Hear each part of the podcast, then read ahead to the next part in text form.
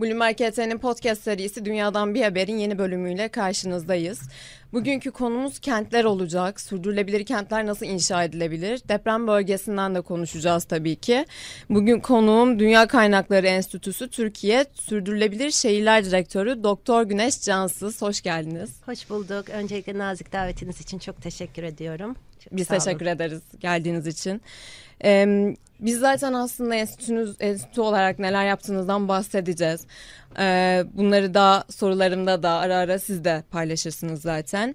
Şimdi benim öncelikli olarak başlamak istediğim konu şu. Ee, maalesef bir büyük bir deprem yaşadık ve bu depremin etkileri de uzunca bir süre sürecek. Hmm, Cumhurbaşkanı Recep Tayyip Erdoğan Mart ayında e, 200 bin tane konutun inşasına başlanacağını söyledi. Şimdi benim burada açıkçası sormak istediğim soru şu.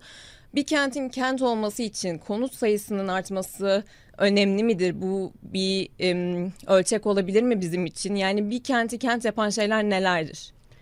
Çok teşekkürler. Öncelikle çok üzücü bir dönemden geçiyoruz. O nedenle hani hepimiz etkilenenler, e, dolaylı etkilenenler artık hani e, sayılar o kadar yüksek ki Türkiye'deki herkes bir şekilde etkilendi. Çok üzgünüz. E, onu da e, eklemek istiyorum.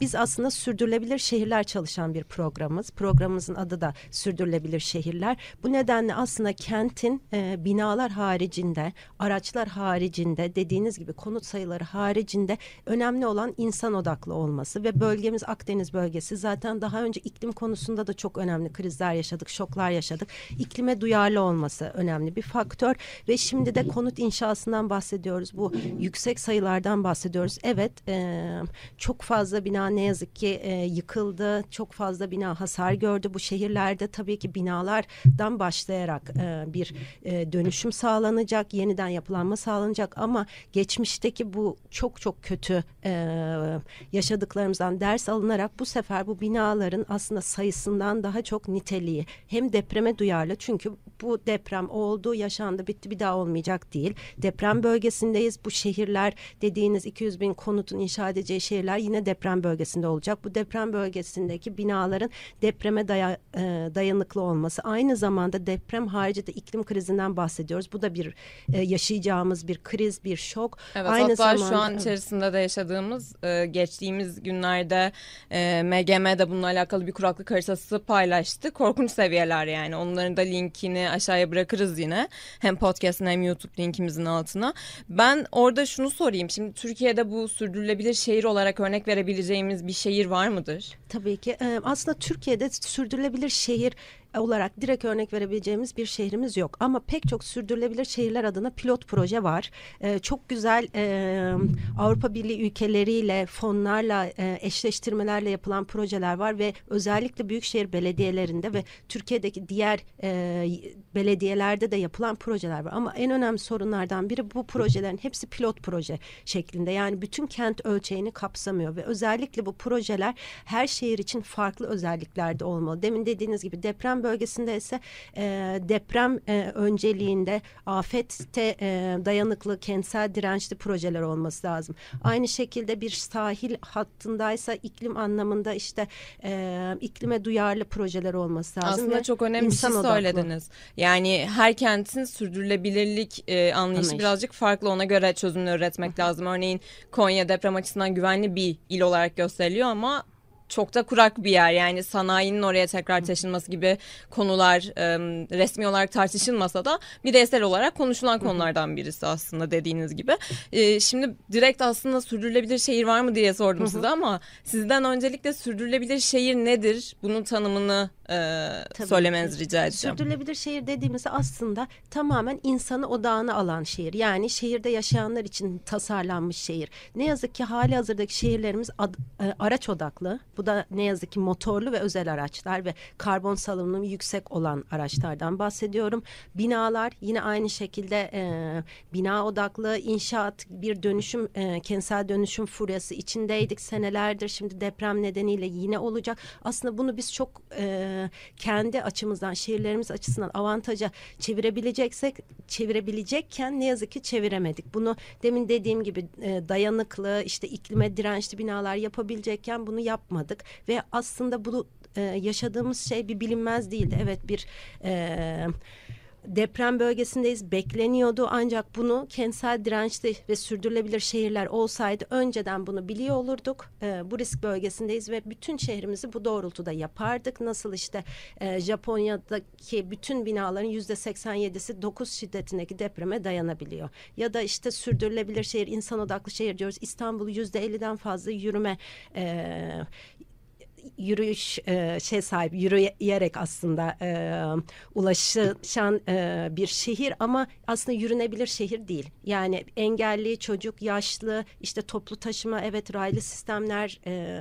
gerçekten örnek ama raylı sistemlere ulaşırken erişilebilir değil. İşte ulaşım türleri arasında işte bisiklet yolları yapılıyor. Bizde bu arada hani bu eleştirdiğim bütün süreçlerde biz kurum olarak çalışıyoruz iyileştirmek için hem belediyeyle hem bakanlıklarla çalışıyoruz ama bu ulaşım türleri arası yine entegrasyon çok zayıf. Ee, ne yazık ki Türkiye'deki şehirlerimizin çoğu gerçekten genç erkekler için ve sağlıklı erkekler için tasarlanmış. Bunu çocuklarımız için, yaşlılarımız için, engellilerimiz için, şu anda da afetzedelerimiz için yaptığımız noktada ve bunu insan odaklı yaptığımız noktada e, sürdürülebilir şehir diyebiliriz. Ve aslında hani bununla ilgili çok güzel projeler var. Bunu sadece bir bütüncül plan olarak e, tasarlamamız gerekiyor. Bununla ilgili çeşitli işte hibelerden bahsediliyor. Avrupa Birliği sürdürülebilir ulaşım planları konusunda son 2-3 yıldır hibe destek veriyor ve şehirler artık eski araç odaklı planlarını sürdürülebilir yürüme, bisiklet, toplu taşıma, toplu taşımanın elektrikli olduğu sistemlere çevirmeye başlıyor ve bunu katılımcılıkla yapıyor.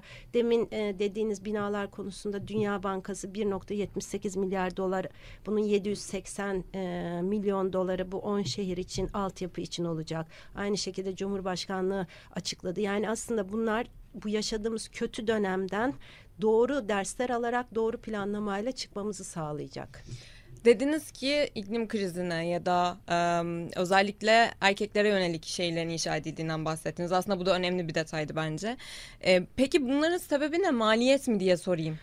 Ne yazık ki yani e, plan planlama anlayışı tabii ki e, bunun içinde e, finansmanı da var aynı zamanda e, katılımcılığın eksik olduğu, insan odağının eksik olduğu Talepten e, mi etkiliyor Tabii arada? ki yani şu andaki işte bu demin bahsettiğim sürdürülebilir şehircilik, sürdürülebilir kentsel hareketlilik planları, şimdi dediğimiz bütün işte e, hibeler, çağrılar artık bunlar katılımcılıkla yapılıyor. İstanbul'da işte e, Sözsen'in uygulaması var ya da işte bu e, planlarda bir meydan tasarlanacakken artık sosyal medya üzerinden çeşitli tasarımlara oy veriyoruz, fikrimizi söylüyoruz. Bunlar aslında hep olması gereken yaklaşımlardı ama ne yazık ki son 2-3 yılda hayata geçti. Bu bu arada Türkiye açısından değil Avrupa'da da son belki 15-20 yılın e, süreci. Yani işte bisiklet konusunda Hollanda'yı Amsterdam'a örnek gösteriyoruz. 1950'lerde orada çocuk ölümleri olduğu için aslında protestolar olan bir şehirde şu anda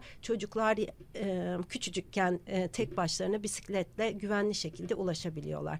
Aynı şekilde pek çok Amerika e, kentinde hala toplu taşıma raylı sistem yok ve özel araç sahipliği e, Türkiye'dekinin Türkiye'deki şehirlerin e, kat be kat fazlası gibi. Aslında bu sadece Türkiye özel bir e, anlayış değil, dünyaya özel ne yazık ki işte araçların egemen olduğu, evlerin egemen olduğu, e, yüksek katların egemen olduğu, insan ölçeğinde tasarlanmış şehir anlayışı, anlayışı çok daha yeni burada bireylerin farkındalığına birazcık değineceğim. Hı hı, Çünkü şu ki. nedenle kaldırımlara dahi çıkan araçlar görüyoruz. Bisiklet yolunda yürüyen insanlar görüyoruz. Şimdi burada tabii ki projelerin önemi bence çok çok önemli.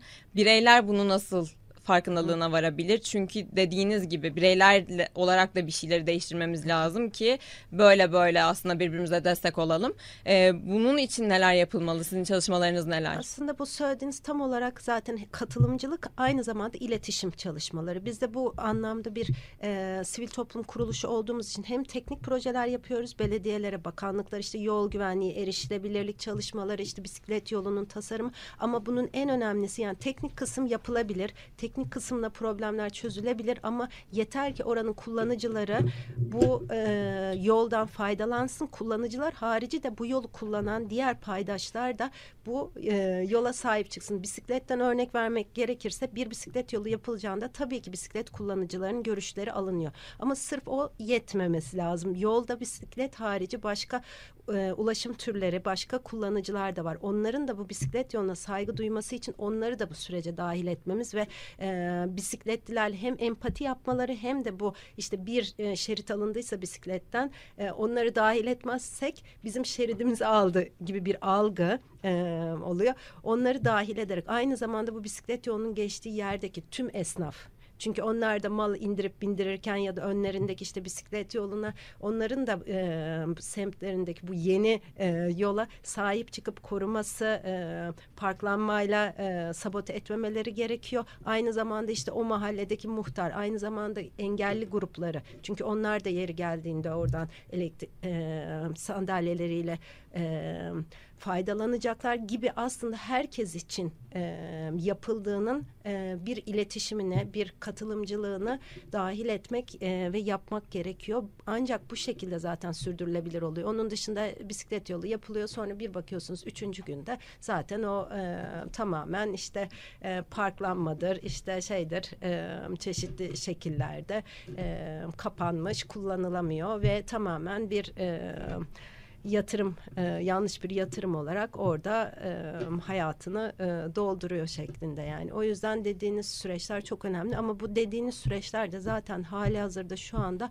pek çok belediyenin e, tüm kararlarında e, demokratik katılımı ön plana alarak yönetişimi ön plana alarak yaptığı çalışmalar. O yüzden aslında biz de şehirliler olarak demin dediğim mesela işte Dünya Bankası fonunda de, dediğiniz işte binalarda haklarımızı bilmemiz e, ve bunu talep et diyor ve e, bunu da e, demokratik e, katılım, işte belediyelerin, bakanlıkların e, bizim için var olduğunu, bizim e, vergilerimizle, bizim fonlarımızla bunu yaptığını biliyor ve istiyor olmamız lazım bizim taleplerimiz olacak ki şeyler de ona göre şekillenecek Şekillen. aslında.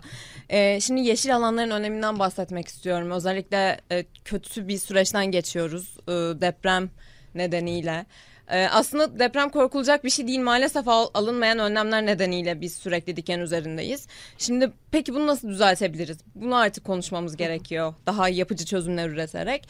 Yeşil alanlar e, baktığımız zaman Türkiye bu 2023 verisi bu arada yani MIT'nin de içinde olduğu, Avrupa Birliği'nin de içinde olduğu e, dört farklı endekse göre yapılan bir e, çalışma var ve Türkiye en az yeşil alana sahip olan üçüncü ülke. 69 ülke içerisinde.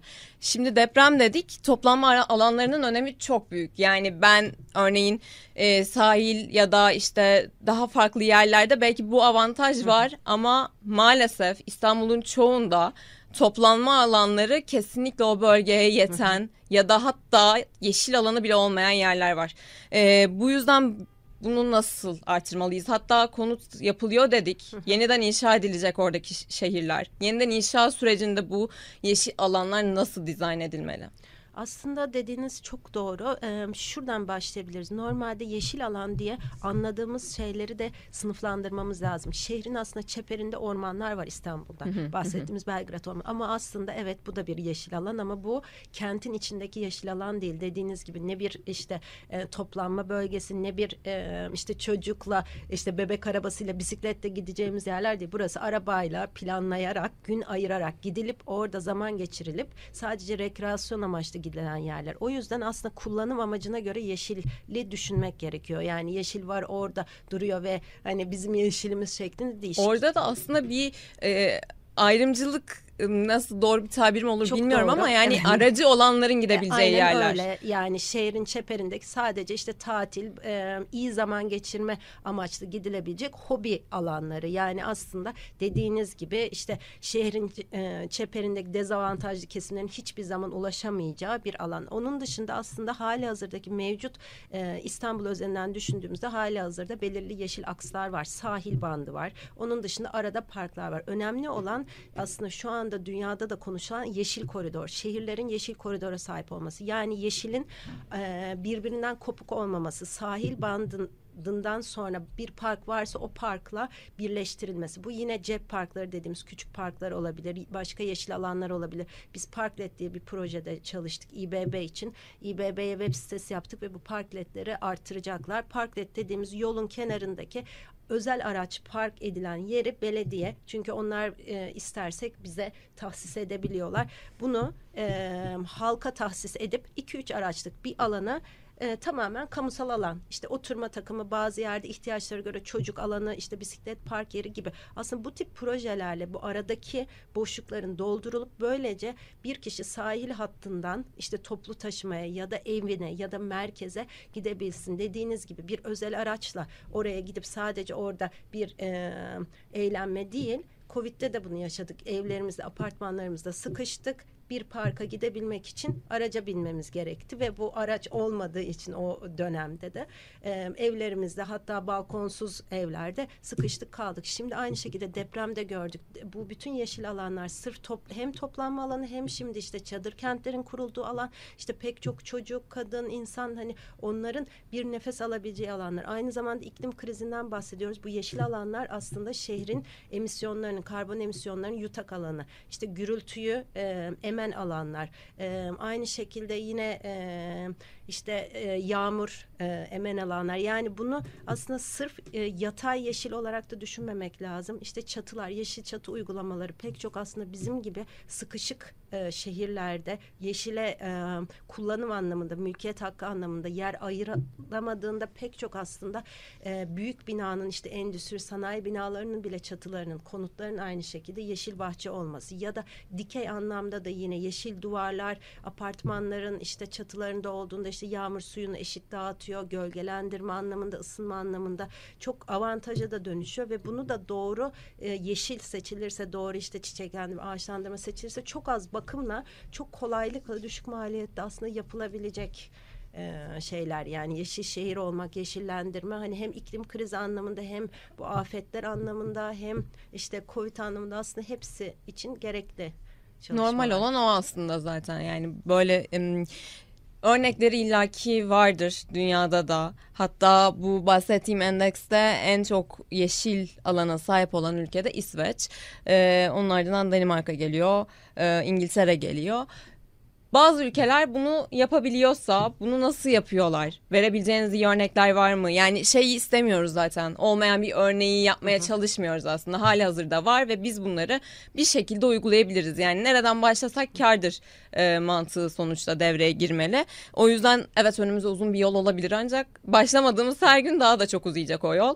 O yüzden siz hangi şehirlere örnek verebilirsiniz aslında buna? Aslında sırf yeşil alan değil sürdürülebilir şehirlerdeki farklı komponentlerde farklı e, şehirleri, ülkeleri örnek verebilirim. Bisiklet dediğimizde demin söylediğim gibi işte Hollanda, Danimarka ama onları da şu andaki durumlarına bakarak değil. Onlar demin dediğim gibi bir süreçten geçtiler. Hı hı. Onların işte belki 1970'lerindeki süreci biz şimdi yaşıyoruz. O yüzden o örneklerden şimdi bakıldığında Aa, onlar hani her şeyi halletmiş gibi görünüyor ama onlar da hani bizimle aynı şehircilik anlayışından geldiler. Aynı şekilde yenilenebilir enerji konusunda çok avantajlı bir ülkeyiz. O anlamda İsveç ve Finlandiya örneğinden yararlanabiliriz. Demin dediğimiz gibi çok kötü şeyler yaşadık. E, depremdeki işte bu e, yıkılan binalar e, konusunda da biz e, deprem öncesinde enerji verimliliği konusunda çalışıyorduk ve e, Eskişehir'in enerji verimliliği eylem planını aynı zamanda bütün kamu binalarının enerji e, tüketimlerini ölçtük. Neler yapılması gerektiği konusunda onlara eylem planı hazırladık. Enerji birimini kuru, kurduk şehirde. Onun haricinde bakanlıkla sıfır karbon binalar nasıl yapılır? Çünkü 2053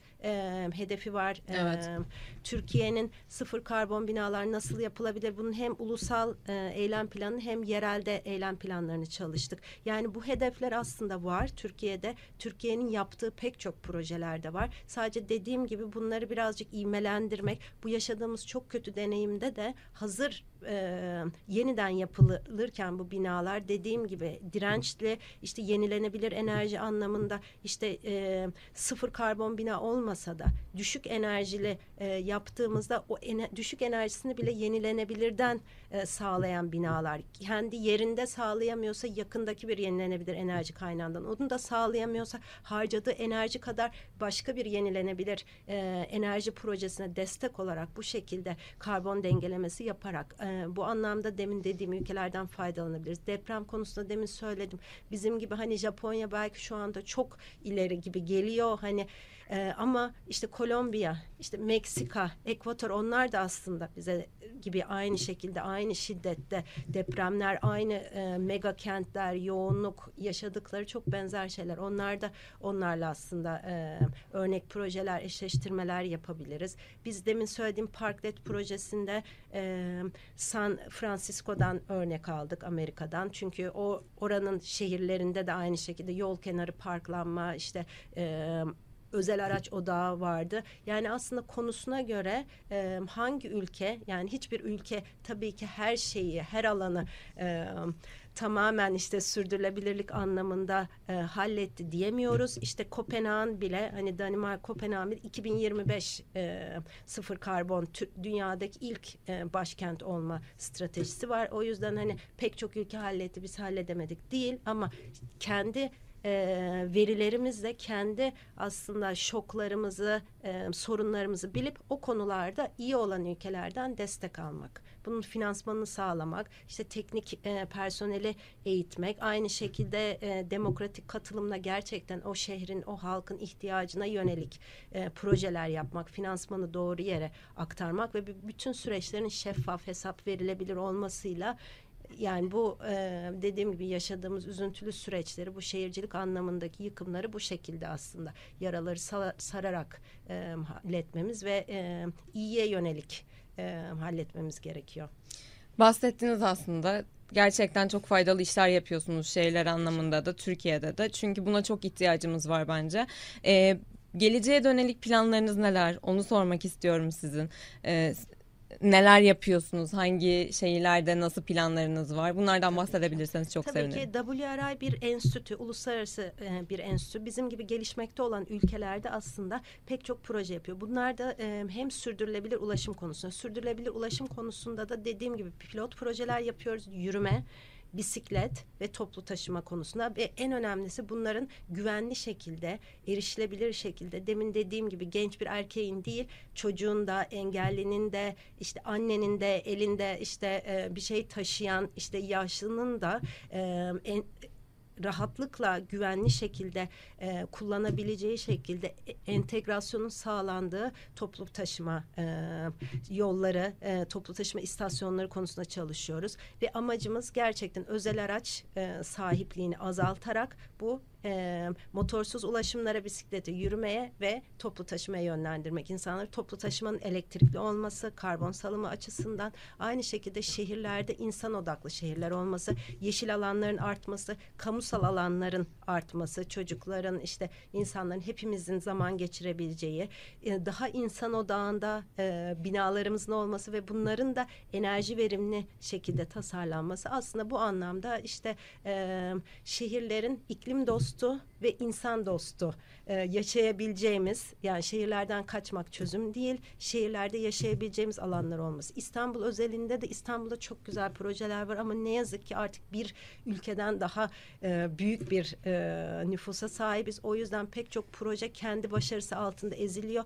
İstanbul gibi mega kentlerde de her e, gün hareketlilik işte 4 milyar kişinin aynı saatte bir yakadan bir yakaya gittiğini konuşuyoruz. Pek çok farklı cazibe merkezi, iş merkezi, e, konut merkezlerini dağıtmak, herkesin kendi işte 5 kilometrelik, 10 kilometrelik küçük bir çeperde ihtiyaçlarını gidermesi, bütün kesimlerin servisleri, şehrin sunduğu işte okula, işe, e, sosyal aktiviteye eşit şekilde, eşit zamanda, e, kolaylıkla ulaşabilmesi gibi aslında kentsel tasarım e, planlama anlayışlarını hayata geçirmek Türkiye'de ve özellikle İstanbul üzerinden bu e, yükün biraz azaltılması, başka şehirlere de yatırım yapılması Kesinlikle. gibi aslında bu alanda bakanlıklarla ve belediyelerle aktif çalışıyoruz. Şimdi bu yaşadığımız e, süreçte de daha çok kentsel dirençlilik, dediğim gibi afet yönetimi, nasıl e, şehirler buna hazır olmalı. Toplu taşımada da aynı şekilde deprem olduğunda e, toplu taşımanın durmaması, oradaki insanların güvenli şekilde tahliye edilmesi gibi aslında e, kentsel dirençlilikte artık e, gündemimizde ve daha sık çalışacağımız alanlardan biri haline geliyor. Çok güzel bir şey söylediniz. Ee, insanlar, şehirde yaşayan vatandaşlar sosyal aktivite için bir şehrin bir yerinden başka bir ucuna gitmemeli aslında. O çevrede bunu e, sağlayabilecek, bunu yapabileceği alanların yaratılması çok önemli. Ben teşekkür ediyorum size. Eklemek istedikleriniz varsa lütfen devam edin. Çok teşekkür ediyorum. Çok sağ olun. Umarım hepimiz e, Türkiye'de yaşıyoruz, şehirlerde yaşıyoruz. E, daha insan odaklı, daha yeşil, daha iklime e, duyarlı, dirençli şehirlerde e, yaşayacağımız günler olmasını diliyorum. Talebimiz bu yönde. Umarız dediğiniz gibi e, daha güzel çalışmalar da yapılır e, Türkiye'de de. Dünya Kaynakları Enstitüsü Türkiye Sürdürülebilir Şehirler Direktörü Doktor Güneş Cansız'la birlikteydik. Gelecek bölümde görüşünceye dek hoşçakalın.